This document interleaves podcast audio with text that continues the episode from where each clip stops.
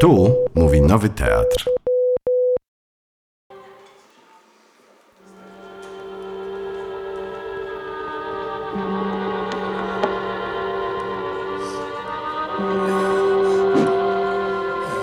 Dobry wieczór. Zapraszam, zapraszam Państwa na ostatni już e, przegląd z cyklu Obcy.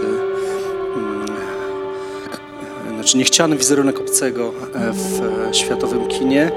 I dzisiaj w taki, e, kończymy takim, takim filmem e, bardzo symbolicznym, wydaje mi się, ten cykl. E, To jest film z roku 68. 68 rok to był bardzo ciekawy sezon w światowym kinie.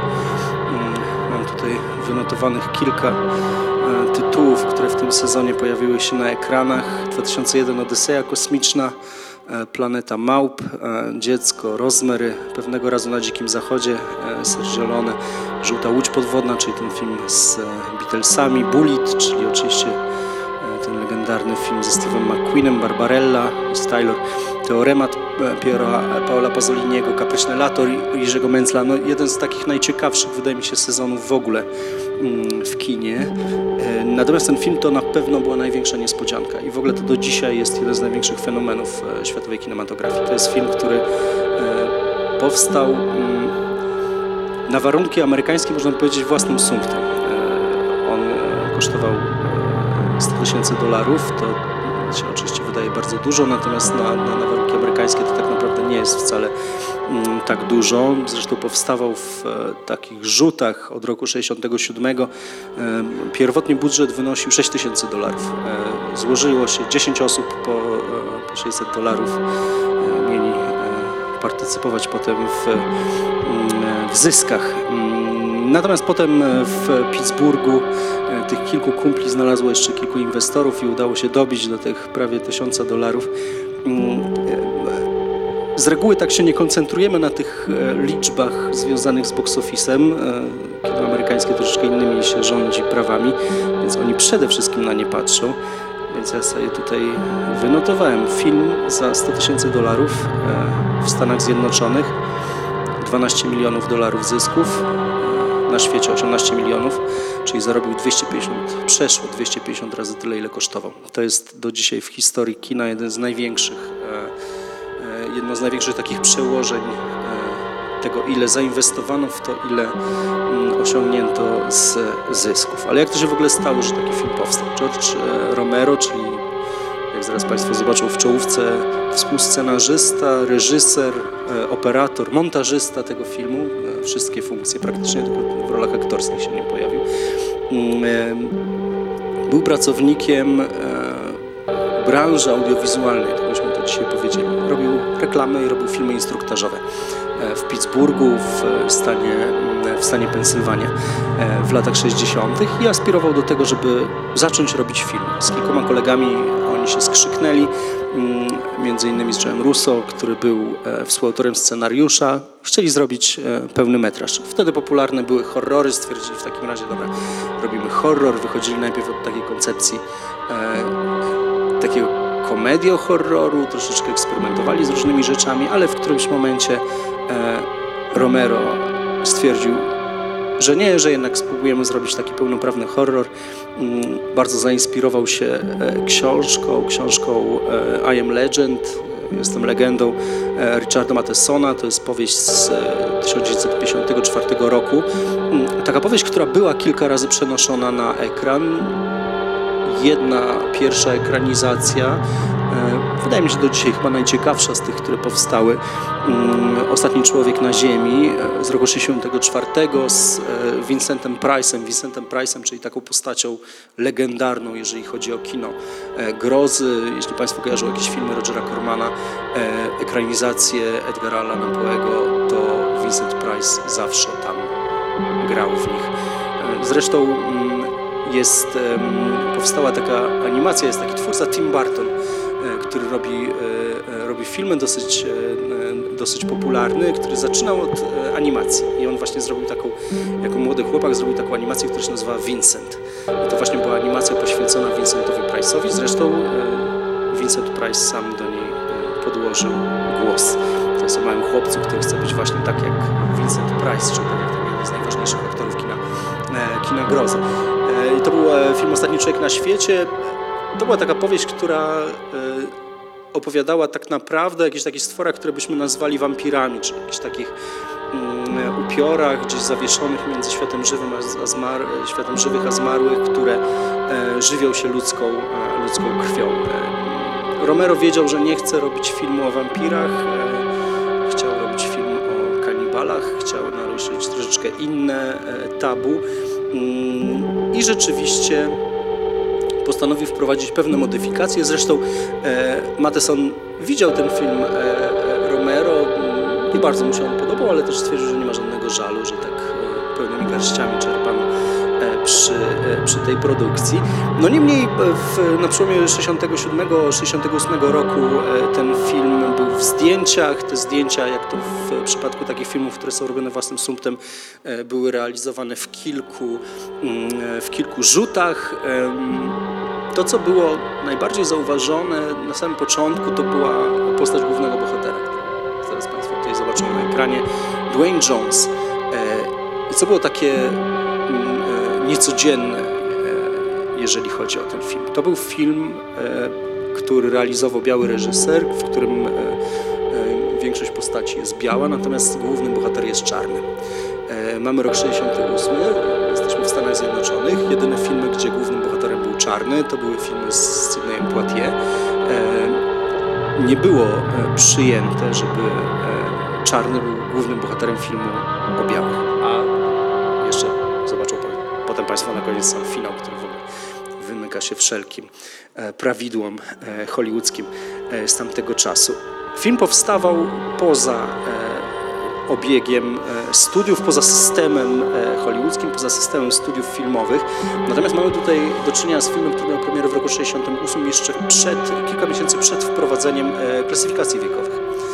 Czyli tego takiego, tego co nawet jak dzisiaj e, oglądamy filmy e, z jakichś e, nośników, nie wiem jak DVD czy Blu-ray, mm, to mamy tam tą klasyfikację wiekową amerykańską, PG, czyli Parental Guide, nie wiem, 13, 16, prawda? Ten film powstał zanim wprowadzono tę klasyfikację, w związku z tym mógł go zobaczyć każdy, kto On był wyświetlany w kinach początkowo w takim slocie weekendowym, e, takim wczesnym popołudniem. E, Czyli było też na nim trochę młodych dzieci. To były takie lata, lata 60. w amerykańskim kinie grozy, że rzeczywiście było trochę tych horrorów. Oczywiście to już nie jest ten czas e, Universal Monster Movies, czyli tych filmów, nie wiem, o Drakuli, o Frankensteinie, które, e, które pewno najbardziej nam się kojarzą z tym wczesnym Hollywoodem i z początkami ki- amerykańskiego kina grozy. Natomiast no, e, lata 40, 40 50 to są takie filmy właśnie, nie wiem, tam o gigantycznych jakichś pająkach, tarantulach, o inwazjach Marsjan. To są wszystko oczywiście przeniesione jakieś takie lęki przed zimnowojenno-atomowe. Natomiast wszystko no, to były takie raczej e, horrory, e, myśmy powiedzieli, e, gotyckie, niezbyt straszne w każdym razie. No tutaj publiczność była nastaw... jak gdyby na, poddana czemuś zupełnie nowemu, to znaczy mm, z kilku powodów. Z jednej strony Romero operował na bardzo niskim budżecie, w związku z tym musiał realizować to na czarno-białej taśmie 35 mm, takiej taśmie, która bardzo mocno przypominała takie amerykańskie kroniki filmowe z tamtych lat. Na przykład kroniki filmowe z e, Wietnamu, z wojny w Wietnamie. To jest oczywiście ten czas, kiedy trwa wojna w Wietnamie. To są gdzieś okolice e, ofensywy TED, e, ofensywy święta, święta TED, czyli tej ofensywy, która mimo, że nie, mm, że nie skończyła się sukcesem armii Wietkongu, to jednak w jakiś sposób przy, przychyliła szale zwycięstwa na stronę e, właśnie Wietnamu. To znaczy to był taki moment, kiedy amerykańskie społeczeństwo zdało sobie sprawę z tego, że de facto tą wojnę przegrywa. Mm, I właśnie te mm, kroniki wojenne właśnie były realizowane w bardzo podobny sposób jak ten film, to znaczy właśnie czarno-biała taśma i takie mm, no, reportażowe, reportażowy sposób kręcenia. Z drugiej strony e, no, bardzo brutalny film. Oczywiście teraz jak go oglądamy, to on e, może sprawiać wrażenie już nie tak brutalnego, momentami może nawet śmiesznego, natomiast w tamtych latach to był absolutny przełom. Znaczy nikt nie robił tak kina grozy. Em, Łącznie z tym, że tutaj e, właśnie specjalnie najęto do tego filmu jako jednego z aktorów e, e, masaża okolicznego, który dostarczał tutaj te pieczone szynki oraz wnętrzności, które tutaj się będą pojawiać na ekranie w bardzo, dużej, mm, w bardzo dużych ilościach oraz jest jednym z, jest jednym z aktorów na, mm, na ekranie. Natomiast tutaj Romero zrobił jeszcze jedną bardzo dużą różnicę. To znaczy ten film w przeciwieństwie do tych wszystkich gotyckich filmów, które dzieją się gdzieś w jakimś mm, odludnym miejscu, prawda, w jakimś zamku gotyckim, starym, e, e, to one się dzieją tu i teraz. To znaczy nie dzieją się w, tutaj nie ma kostiumu, tutaj nie ma żadnego takiego sztafarzu, jest tylko, e, są tylko Stany Zjednoczone, jest stan Pensylwania, właśnie w którym kręcony zresztą ten film, no tak jak już wspomniałem, e, Romero pracował w Pittsburghu i e, po raz pierwszy tak naprawdę mamy film grozy osadzony w amerykańskim tu i teraz z bardzo silną taką sugestią, że to chodzi o nas e, tu e, i teraz. Film miał e, dosyć skomplikowaną historię powstawania. On początkowo był pisany jako Noc Anubisa. Zaraz tutaj jeszcze przejdziemy do tego mieszania wszystkiego z wszystkim. Anubis to jest oczywiście mm, e, egipski bóg zmarłych, taki Bóg e, przeprowadzający na drugą stronę, ale też mm, e, oczywiście kojarzony z, no, z tymi wszystkimi obrządkami egipskimi e, wokół śmierci. Natomiast e, oczywiście e, podejrzewam, że Państwo ten film kojarzą jako jeden z pierwszych filmów o zombie. I rzeczywiście ten film zapoczątkował całą serię tak zwanych filmów o zombie a la Romero, czyli właśnie mm, takich filmów właśnie o tych żywych trupach romerowskich zombie, czyli tych właśnie chodzących powolnie, e, łaknących ludzkiego e, mięsa e, zombie. Co jest ciekawe, w tym filmie nigdzie nie pojawia się słowo zombie. Ten film nie był o zombie. Ten film był o gulach, o takich istotach, które Romero zapożyczył z mm, wierzeń arabskich, takich wierzeń jeszcze premuzułmańskich. Gule to były takie mm, złe dżiny, które w e, cmentarnych, e, na cmentarzach, w miejscach cmentarnych mm, się e, gnieździły i które zjadały ludzkie, ludzkie mięso. Czyli jak gdyby nie były de facto tym, czym tutaj widzimy te żywe. Nie były żywymi trupami. To były, to były, to były mm, jakby jednostki nadprzyrodzone. To, nie, to nie byli martwi ludzie. Więc tutaj mm, Romero e, sięga do troszeczkę innego jak gdyby źródła tych, e, tych postaci. E, I to słowo zombie pojawia się dopiero znacznie później, pojawia się w mm, tak naprawdę takich reinterpretacjach tego filmu. W roku 90 powstaje remake zrealizowany na podstawie tego samego scenariusza, już kolorowy, praktycznie jeden do jeden, po- powielający ten, ten film Romero łącznie z tą, z tą kwestią kultową They're coming to get you. Tutaj ta kwestia pada około szóstej minuty, w tym remake już około trzeciej, nie mogli się powstrzymać. Musieli już wprowadzić tą kultową kwestię znacznie wcześniej. Mm, Natomiast to jest w ogóle bardzo ciekawe, dlatego że te zombie y, także my znamy jako takie y, właśnie żywe trupy z y, jakichś takich wierzeń, e, religii, mitologii haitańskiej. E, Nic bardziej mylnego, to znaczy pierwszym filmem o zombie pisane przez N. Zombie, e, czyli tych haitańskich e, no, fantazmatach, jakichś takich tworach fantazji zbiorowej.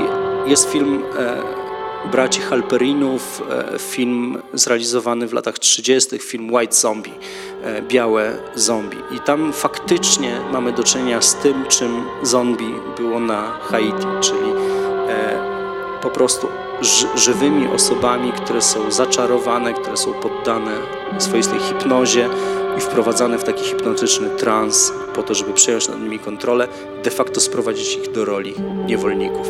E, To jest film bardzo ciekawy, zresztą główną rolę tego czarodzieja, który e, czaruje tymi, który sprawuje władzę nad tymi zombie. E, W tą główną rolę wcielił się Bela Lugosi, prawdopodobnie znane Państwu nazwisko, to jest oczywiście aktor, który grał hrabiego Drakulę w tym kanonicznym filmie amerykańskim z lat, e, z lat 30. I on rzeczywiście gra tam czar, e, czarownika haitańskiego, czarownika, który sprawuje kontrolę nad niewolnikami, niewolnikami na plantacji. Takie tak naprawdę, taka tak naprawdę jest prowiniencja tego, e, tego słowa zombie. Natomiast e, amerykańska popkultura przemieliła te afrohaitańskie wierzenia. E, e, amerykańska popkultura brała bardzo dużo z gdzieś tam z Luizjany, z tych takich właśnie wierzeń, e, tych e, krolczyków, którzy gdzieś tam w Luizjanie się osiedlili i właśnie pojawiło się to voodoo, pisane tak jak e, właśnie przez V2O, prawda, mm, czyli zupełnie inaczej niż to, niż to afrohaitańskie voodoo pisane przez W i U. Mm, I nadając właśnie, wprowadzając te wszystkie formuły tych laleczek, prawda, robiąc troszeczkę z tego jakiś taki dziwny skansen mm, i właśnie też e, wprowadzając e, także za sprawą filmu Romero do popkultury postać zombie jako mm, e, osoby nie, nieżywej, tylko właśnie wprowadzonej w pewnego rodzaju trans. To jest bardzo daleko, dalekie od tego, co na Haiti, być może w ogóle już tak naprawdę oderwane od tego, e, jak wyglądają wierzenia afrohaitańskie, natomiast rzeczywiście stworzyło to taką postać e, nieumarłego. U nas byśmy powiedzieli wampira, prawda? Upiora, ompira, upiora, czyli osoby, e, która po tym jak zmarła, nie zostaje, jak gdyby zostaje e, zatrzaśnięta w tej e, w angenepowskiej fazie, e, fazie liminalnej, nie zostaje włączona do świata zmarłych, to znaczy już nie będąc żywą, pozostaje, pozostaje z nami na świecie. Natomiast to rzeczywiście, co Romero tutaj zrobił, to wprowadził jeden element, to znaczy, że ci zmarli jedzą ludzkie ciało. I oczywiście tutaj porusza jedno z największych tabu i robi film, który powoduje wielki skandal. Tak jak powiedziałem już, to jest film, który mm, powstał w takim momencie, kiedy jeszcze nie było tych klasyfikacji wiekowych, więc tak jak Państwo są w stanie sobie wyobrazić, te wszystkie 9-10-letnie mm, dzieci, które lubiły te filmy grozy i właśnie poszły na ten wczesno, e, wczesno popołudniowy pokaz w tą sobotę, to trochę mogą być zdziwione takim filmem, gdzie tutaj wszyscy się zjadają nawzajem i e, no końca nie będę Państwu zdradzał, ale e, powiem tylko, że on był dosyć zaskakujący jak na standardy kina hollywoodzkiego, które były bardzo mocno powiedziane, jak się musi sk- skończyć film i kto musi triumfować na końcu. Mm, Więc film spowodował wielkie e, kontrowersje właśnie z tym, że właśnie e, mówiono, że on powinien zostać e, zdjęty z ekranów. Zresztą on był wprowadzany początkowo takim drugim obiegiem, najpierw e, w, przez kina e, grindhouse'owe, przez jakieś takie pokazy właśnie kina kultowego, jakieś midnight movies, takie pokazy właśnie późno w nocy, dopiero potem wszedł e, do tego głównego obiegu, dlatego że też po prostu dystrybutorzy nie chcieli go wziąć. To znaczy wszyscy mówili, że jego trzeba cenzurować, trzeba zmienić zakończenie, trzeba troszeczkę usunąć tych scen no, niesmacznych, nazwijmy to. E, mm, Natomiast twórcy się nie cofnęli. E, Jedyna rzecz, którą rzeczywiście dystrybutorowi, który już w końcu ten film wziął do tej szerokiej dystrybucji, udało się zmienić, to zmienił tytuł. To znaczy pierwotnie ten film właśnie, który się zaczynał jako Noc e, Anubisa, potem miał się nazywać Night of Flesh Eaters, czyli Noc jedzących ludzkie ciało. Niestety okazało się, że już jest taki film. I zmieniono e, tytuł na Night of the Living Dead. I wtedy stała się rzecz bardzo śmieszna, tak naprawdę patrząc z dzisiejszej perspektywy. Tak jak powiedziałem, to jest jeden z tych filmów, który zarobił najwięcej w stosunku do tego, ile w niego zainwestowano. To jest absolutnie jakiś taki fenomen. Przeszło 250 razy tyle, ile zapłacono za ten film, wyciągnięto z niego. Natomiast przy okazji zmiany tytułu zmieniała się też jedna rzecz, to znaczy jak Państwo kojarzą amerykańskie filmy z tamtych lat, to się pojawia mm, plansza tytułowa i na dole się pojawia taki copyright, prawda? Copyright i tam jest napisane, kto jest właścicielem tego copyrightu. No więc e, e, dystrybutor zmieniając czołówkę, zmieniając ten tytuł, e, zmienił właśnie tą planszę, na której był ten copyright i powstała plansza z napisem Night of the Living Dead i nie ma tam tego copyrightu. W związku z tym film nie ma copyrightu, jest w domenie publicznej. I w związku z tym troszeczkę zrobili sobie krzywdę dystrybutorzy, bo film e, rzeczywiście od tego czasu jest w domenie publicznej. Dlatego możliwe były, możliwe były te wszystkie remake'i, dlatego możliwe były mm, też e, właśnie ten możliwy był ten film z roku 90, który dokładnie jak gdyby krok po kroku od, e, e, odzwierciedla ten, ten scenariusz. Zresztą był potem jeszcze spór prawny, dlatego że po gigantycznym sukcesie tego filmu na całym świecie żeby e, pokazać miarę tego sukcesu. To, to też nie jest tak, że to był taki film, który był filmem tylko dla jakichś freaków w Stanach Zjednoczonych, którzy lubią jakieś filmy e, kultowe, którzy właśnie, którzy uwielbiają filmy o tym, jak tam e, ktoś się zjada nawzajem. Bardzo pochlebną recenzję tego filmu i zresztą taką bardzo w punkt, wydaje mi się, napisał mm, przyszły naczelnik Ajedy Cinema, obecnie, e, ówcześnie najważniejszej e, gazety filmoznawczej na świecie. Więc e, to jest film, który naprawdę był takim ogólnoświatowym fenomenem i Romero oczywiście potem zaczął robić kolejne filmy z tej serii, mimo że wcześniej tego nie planował. Już w tych kolejnych filmach pojawia się już określenie zombie, chociaż w tym następnym czy świt żywych trupów tylko, e, tylko raz. Natomiast mm, oczywiście powstały całe takie franczyzy, tak jak mówię, no Romero najpierw robi taką trylogię, potem robi jeszcze kolejne e, filmy z tego cyklu. E, Ten Russo, czyli ten współautor scenariusza, też próbuje robić te filmy. Właśnie o to był ten spór prawny między, między panami. Tutaj sąd przyznał rację George'owi George'owi Romero. Natomiast dlaczego ten film był taki przełomowy i, e, i dlaczego to był też taki moment, że on mógł być tak e, przełomowy, dlaczego on był tak czytany e, właśnie ta, w taki sposób, nie tylko wprost, tylko właśnie jako coś więcej. To jest jeden z tych takich filmów, amerykańskich filmów grozy, które wpisują się w tą taką myśl, że mm, amerykańskie kino grozy tak naprawdę jest mm, na takim poziomie nie, jak gdyby nieoczywistym, nie, nie na pierwszym poziomie, natomiast jest jakąś taką emanacją zbiorowych lęków amerykańskiego społeczeństwa. Mm, To jest film z roku 68. No, jak gdyby czym jest rok 68 e, w światowej, e, na świecie e, i, i w światowej kulturze, to chyba, chyba wszyscy, wszyscy wiemy. Już wspomniałem tutaj o tej wojnie w Wietnamie, o tej ofensywie święta Tet. To jest też ten moment, kiedy w Stanach dochodzi do serii zabójstw politycznych, tak? Ginie Martin Luther King na przykład, to zresztą było takie jedno z pierwszych odczytań właśnie tej postaci tego czarnego bohatera. Tutaj nie do końca Romero jak gdyby się na to zgadzał. On mówił, że on dowiedział się o śmierci Martina Luthera Kinga dopiero potem, jak już film był gotowy. Mm, No niemniej umieścił tutaj jako głównego bohatera postać czarną. Oczywiście to jest też ten czas, że jest Malcolm X, prawda, jest John Kennedy. E, ta zmiana, oczywiście przystąpienie, e, przystąpienie Stanów w takim znacznie wyraźniejszym, e, z znacznie wyraźniejszym kontyngentem do wojny w Wietnamie, to jest też przecież kontynuacja gdyby tego, tych zmian po śmierci e, Kennedy'ego w, w, w połowie lat 60., więc to jest taki moment bardzo silnej, mm, bardzo silnej takiej polaryzacji w amerykańskim społeczeństwie. I George Romero, podobnie zresztą jak kilku jeszcze innych e, twórców horrorowych, którzy zaraz potem w latach 70. wchodzili na scenę, jest przedstawicielem niewątpliwie hollywoodzkiej lewej strony. Takiej strony, która była bardzo mało reprezentowana wcześniej e, w kinie i właśnie czy Romero, czy George Carpenter, który potem, e, czy John Car- Carpenter, przepraszam, który zaraz potem e, wchodził z, z, filmem, z filmem Halloween.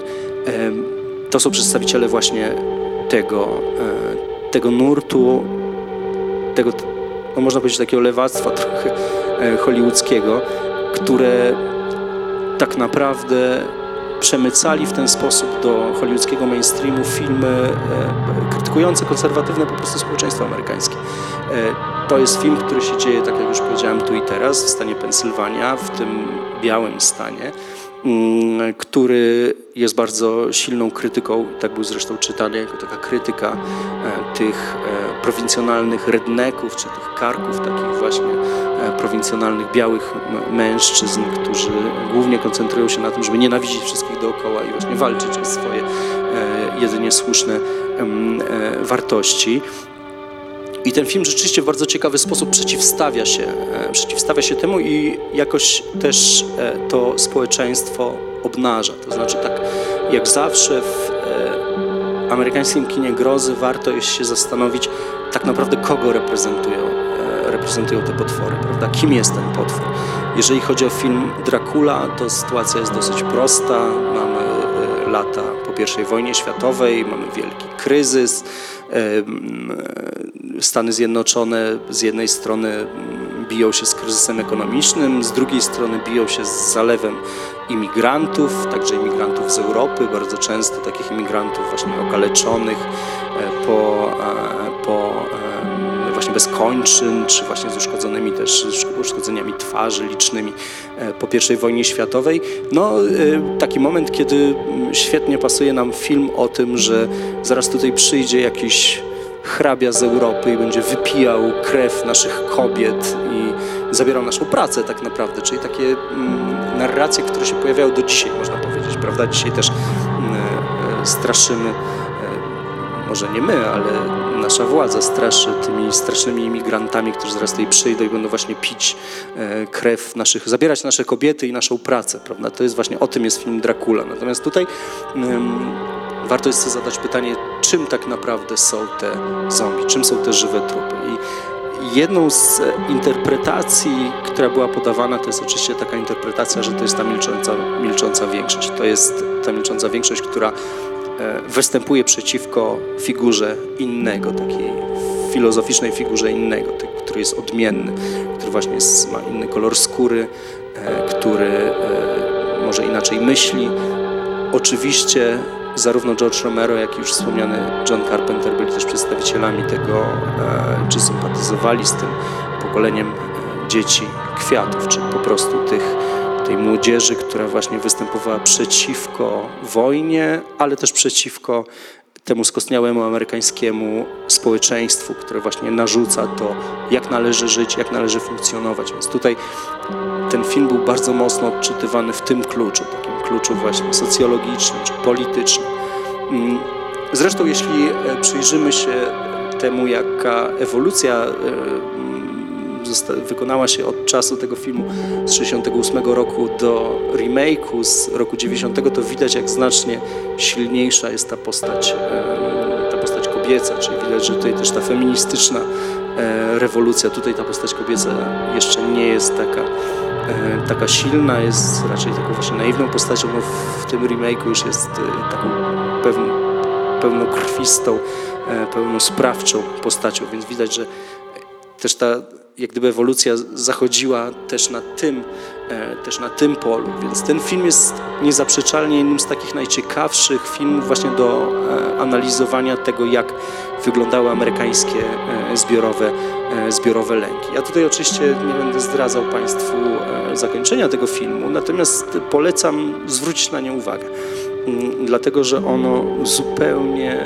idzie w poprzek tego, jak wyglądały końce amerykańskiego e, kina grozy. E, Łącznie z tym, że był zapis w ogóle na to, jak ma się skończyć amerykański film grozy. To jest oczywiście jeszcze z czasów tych właśnie słynnych e, uniwersalowskich monster movies, czyli tych filmów o potworach, takich filmów wiem, Dracula, Frankenstein, Niewidzialny Człowiek, Mumia, Potwór z Czarnej Laguny, Wilkołak, oczywiście z Lonem Chaneyem. Więc e, tutaj mamy do czynienia z prawdziwą rewolucją. Rewolucją też e, formy, rewolucją tego, jak ten film wygląda. Tak jak mówię, że tutaj jest tutaj bardzo silne odejście od tego e, takiego klimatu retro-gotyckiego z ewolucją czasu i miejsca akcji, to znaczy mamy do czynienia tutaj ze Stanami Zjednoczonymi tu i teraz, stan Pensylwania. No właśnie, już nie Transylwania, tylko Pensylwania, prawda? To, to też w kilku, w kilku recenzjach było podnoszone. E, Ale przede wszystkim mamy tutaj do czynienia z jednym z takich najważniejszych, wydaje mi się, dzieł kontrkultury. E, która w tamtych latach no, e, przeżywała ten okres szturmu drang, tak, burzy i naporu, e, można powiedzieć. Więc tutaj film Romero e, staje się dziełem zupełnie kultowym i e, trochę niechcący, wychodząc od guli e, arabskich, e, staje się e, proto e, filmem gatunkowym, jeżeli chodzi o filmy o zombie, filmy, które bardzo w ostatnich latach też były popularne, prawda?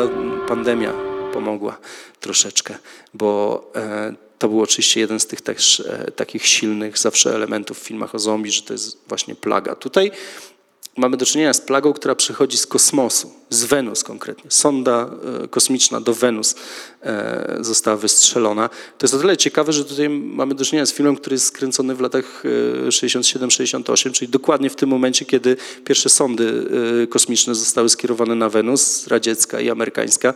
E, One zresztą mm, obie e, spełniły swoją funkcję i o dziwo i Amerykanie Związek Radziecki się podzielili swoimi e, wynikami e, tych badań, co było wcale nie takie oczywiste, bo to był 68 rok, to także w bloku wschodnim to był dosyć burzliwy czas, więc, e, więc to jest dosyć zaskakujące, że coś takiego się udało. No niemniej jednak tutaj właśnie ta, to zagrożenie przychodzi z kosmosu, z Wenus, natomiast oczywiście w ostatnich latach pojawiło się też sporo tych filmów o zombie, które już łamią tą romerowską zasadę zombie, że poruszają się one wolno. Tutaj y, zombie u Romero zawsze chodzą powoli. Natomiast w tych nowych filmach już te zombie się poruszają szybko. W takich filmach jak World War Z amerykański, czy, e, czy na przykład Pociąg do Busan, czyli e, film bardzo ciekawy koreański. Natomiast jeden i drugi, i World War Z, i Pociąg do Busan, i też film Jestem legendą, czyli taki, no już taka pełnoprawna ekranizacja tej powieści, od której zaczęliśmy dzisiaj mm, z Willem Smithem. One wszystkie mają w sobie ten komponent szybkiego zombie, czyli takiego zombie, które biega, łamie tą romerowską zasadę tego, że to zombie jest taki troszeczkę jak gdyby się zachowuje jak, jak, jak pijany właśnie rednek amerykański. Niemniej to jest film, który pozostaje jednym z najważniejszych filmów jeżeli chodzi o amerykańskie kino grozy, ale w ogóle jednym z najważniejszych filmów, jeżeli chodzi o kino, e, o kino amerykańskie i światowe, taki, takich filmów, który zupełnie zredefiniował gatunek. To jest też taki film, który otworzył tak naprawdę drogę dla e, współczesnego amerykańskiego kina grozy. Mm, I zaraz potem miały nastąpić właśnie wszystkie te slashery, chillery i tak dalej. Całe kino eksploatacji, które przyszło e, de facto po Romero, więc e, jest to też wspaniały przykład tego, jak można praktycznie własnym sumptem, no tutaj oczywiście wymieniłem te pieniądze, które są niemałe, niemniej jednak mm, jest to film, który był zrobiony w gronie znajomych, łącznie z tym masażem, który mm, zapewnił te wszystkie wnętrzności, które zaraz Państwo tutaj zobaczą na ekranie e, i e, który w e, oparciu o taką technikę filmową, która się z amerykańska nazywa guerrilla technik, czyli taka e, technika partyzancka kręcenia, czyli właśnie zastane miejsca, minimalna ilość sprzętu, e, żadnych oczywiście pozwoleń. E, Bardzo często też się pojawiają tutaj statyści na ekranie. Zdecydowana większość filmu nie, jest, zdecydowana większość kwestii, która się pojawia, to tak zwane unscripted lines, czyli to są rzeczy, które były improwizowane m, na planie, łącznie z tym, że ten główny bohater, ta czarna postać była napisana zupełnie inaczej, natomiast przez to, że ten aktor, który tutaj się pojawia, ten e, czarnoskóry aktor jest, e, mimo że postać była napisana właśnie na takiego trochę chłopka, roztropka, no to niestety tak, tak się zdarzyło, że e, ten aktor, który najlepiej wypadł w castingu, no był profesorem uniwersyteckim, po prostu wykładał aktorstwo. E, Zresztą potem był dyrektorem kilku, e, kilku dobrych teatrów w Stanach Zjednoczonych i był intelektualistą. Jemu tak trochę zgrzytały te dialogi, więc on tak naprawdę sam przepisał, można powiedzieć, tą postać. No, to są wszystko takie rzeczy, które się wpisują w tego rodzaju właśnie właśnie kino niezależne, ale jak widać, nawet robiąc kino niezależne gdzieś pod Pittsburghem e, w roku 68 na przestrzeni dwóch lat własnym sumptem można zrobić film, który będzie potem e, dyskutowany i się jakimś takim probierzem w ogóle dla całego, mm, dla całego podgatunku, e, składającego się teraz myślę już na dobrych kilkadziesiąt filmów, jak nie więcej. Więc ja już teraz nie, nie przedłużam i zapraszam Państwa na film Noc żywych trupów, film George'a Romero z roku 68. A, jeszcze, jeszcze jedno zdanie. Jest taka przepiękna wypowiedź George'a Romero, w, e, która została zarejestrowana na potrzeby filmu Nightmares in Red, White and Blue. To jest taki film, który wychodzi z e, książki filmoznawczej. E, Polski tytuł to są Koszmary, no, ta książka nie wyszła po polsku, no, tłumacząc. E, Koszmary w e, czerwieni, e, bieli i błękicie. To jest oczywiście nawiązanie do kolorów e, amerykańskiej flagi, e, Union Jacka. E, I mm, to jest, e, to jest takie zdanie, w którym e, mówi Romero właśnie nawiązując do tych wszystkich interpretacji takich politycznych, prawda, jego filmu mówi tak, tak, tak, no oczywiście ja reprezentuję tą lewą stronę, myśmy tutaj chcieli właśnie wykrzyczeć tą niezgodę na nieudaną rewolucję dzieci kwiatów, sprzeciwić się temu amerykańskiemu skostniałemu społeczeństwu, wypowiedzieć się na temat tego amerykańskiego społeczeństwa krytycznie i tak dalej. Po czym robi taką długą pauzę, mówi, ale tak poza tym to strasznie chciałem zrobić film o tym, jak ludzie jedzą ludzkie mięso. I tutaj właśnie zobaczą Państwo, jak to wyszło. Bardzo dziękuję.